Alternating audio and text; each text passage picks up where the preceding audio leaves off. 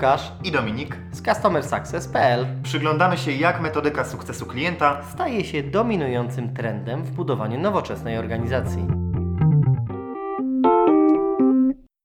Proof of concept w Customer Success, czyli Czyli kolejne angielskie pojęcie w Customer Success. Tak to, success, tak to, już, tak to już jest. Najprędzej chyba powiedzielibyśmy dowód słuszności koncepcji, ale według mnie nie jest to tak wystarczająco opisowe. nie jest to takie fajne. Nie jest to też takie fajne może. Po prostu uzasadnienie, że nasz pomysł ma ręce i nogi i ma biznesowo uzasadnienie.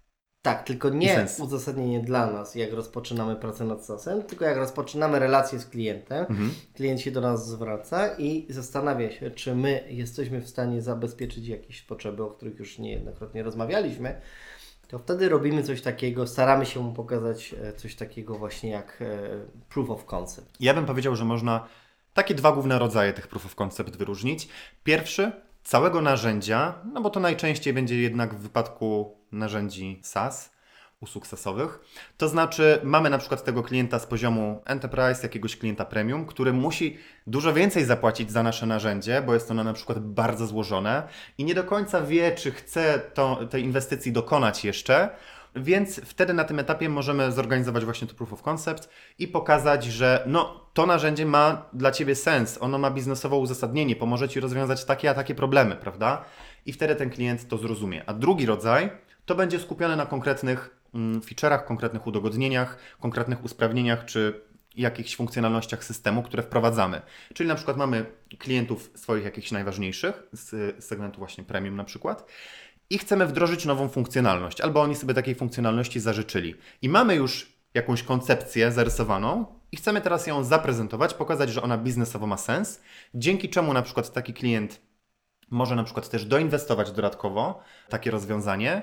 No i my możemy już na poważnie zacząć rozwijać faktycznie taką dodatkową funkcjonalność w naszym systemie. Czyli podsumowując, dla całego narzędzia lub usługi Proof of Concept, no i dla konkretnej funkcjonalności. Tak, to ja jeszcze dodam, że, że ten pierwszy rodzaj dla całego narzędzia, proof of concept, czyli to jest moment, w którym udowadniamy klientowi albo przyszłemu klientowi, że, że to ma sens. Ja dzielę też na trzy takie rodzaje, w, troszeczkę różniące się pod względem tego, jak coś funkcjonuje na rynku.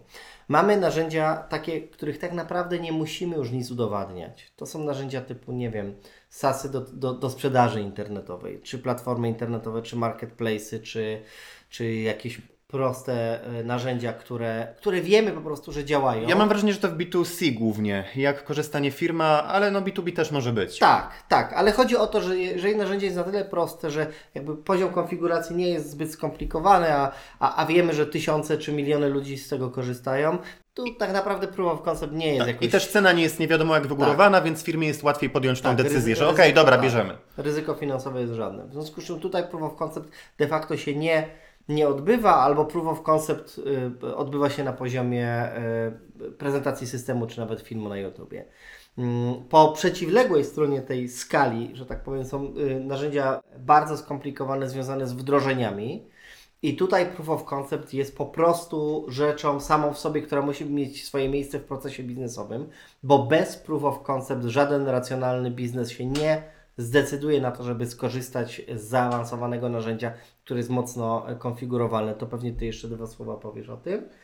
I trzeci rodzaj e, proof of concept to są takie pośrodku, czyli mamy oprogramowanie, aplikację albo usługę, która jest powszechna. Nie wiem, CRM, helpdesk, call center, które wymaga jakiejś formy konfiguracji, ale biznesowo jest wiadomo, że wiemy jak działają helpdeski, wiemy jak działają CRM-y. W związku z czym nie sprawdzamy tego, czy sama idea tego narzędzia jest ok, tylko czy to konkretne narzędzie do nas, do firmy jesteśmy w stanie przyłożyć do naszych procesów biznesowych. Ale tu należy odpowiedzieć na jedną rzecz, bo możesz sobie teraz zadawać pytanie, no to dobra, to, to jest po prostu demo, prawda? Tak i nie. Czym to się różni od demo? Mm, Na przykład Heroto, w którym pracuję, jest e, faktycznie mm, narzędziem Heroto CCMS o wyższym poziomie skomplikowania, tak powiem ładnie, narzędzie do zarządzania wiedzą, na przykład jak ktoś tworzy dokumentację techniczną. I tutaj problem jest taki, że demem lub trialem byłaby po prostu wersja próbna. I to jest bezobsługowe, czyli ty sobie zakładasz wersję próbną albo prosisz o tą wersję próbną i jest założona po jakimś czasie, testujesz sobie, ok, biorę, nie biorę, prawda? Proof of concept należy zaproponować wtedy, gdy już wiemy, że zostanie zaangażowanych dużo więcej zasobów. W naszym wypadku to jest tak, że już się angażuje tego Customer Success Managera, jednego lub dwóch sprzedawców, czasami jeszcze jakiegoś dewelopera czy inną osobę techniczną, którzy już normalnie przychodzą na spotkania i już Customer Success Manager opowiada, jak wygląda implementacja, już zadaje te pytania takie już onboardingowe, które by zadał normalnym klientom, czyli y, związane z problemami, y, z planem sukcesu dla tego klienta, planem całego wdrożenia, więc już, już to jest bardziej zbliżone do tego, co już robimy z faktycznym klientem i angażuje o wiele więcej zasobów i też często to proof of concept najczęściej jest po prostu płatnym procesem, mm, dlatego że też możemy temu klientowi pokazać, że profesjonalnie do tego podchodzimy i to biznesowo ma sens, bo angażujemy już na tyle dużo zasobów z firmy, no że już to jest dużo dłuższy i bardziej skomplikowany proces. Okej. Podsumowując, proof of concept traktujemy jako coś, co udowadnia klientowi, że warto się zaangażować w Waszą usługę czy w Wasze oprogramowanie. A to, czy ono ma formę prostego demo filmu na YouTubie, czy płatnego, pro, profesjonalnego wdrożenia, no już zależy od konkretnej usługi. I dlatego, jeżeli, zwłaszcza jeżeli pracujesz w modelu high touch, czyli tego bardzo zindywidualizowanego, gdzie kontakt z klientem jest na bieżąco i nie masz jeszcze takich proof of concept, to zastanów się, czy czasem nie warto by było tego zorganizować.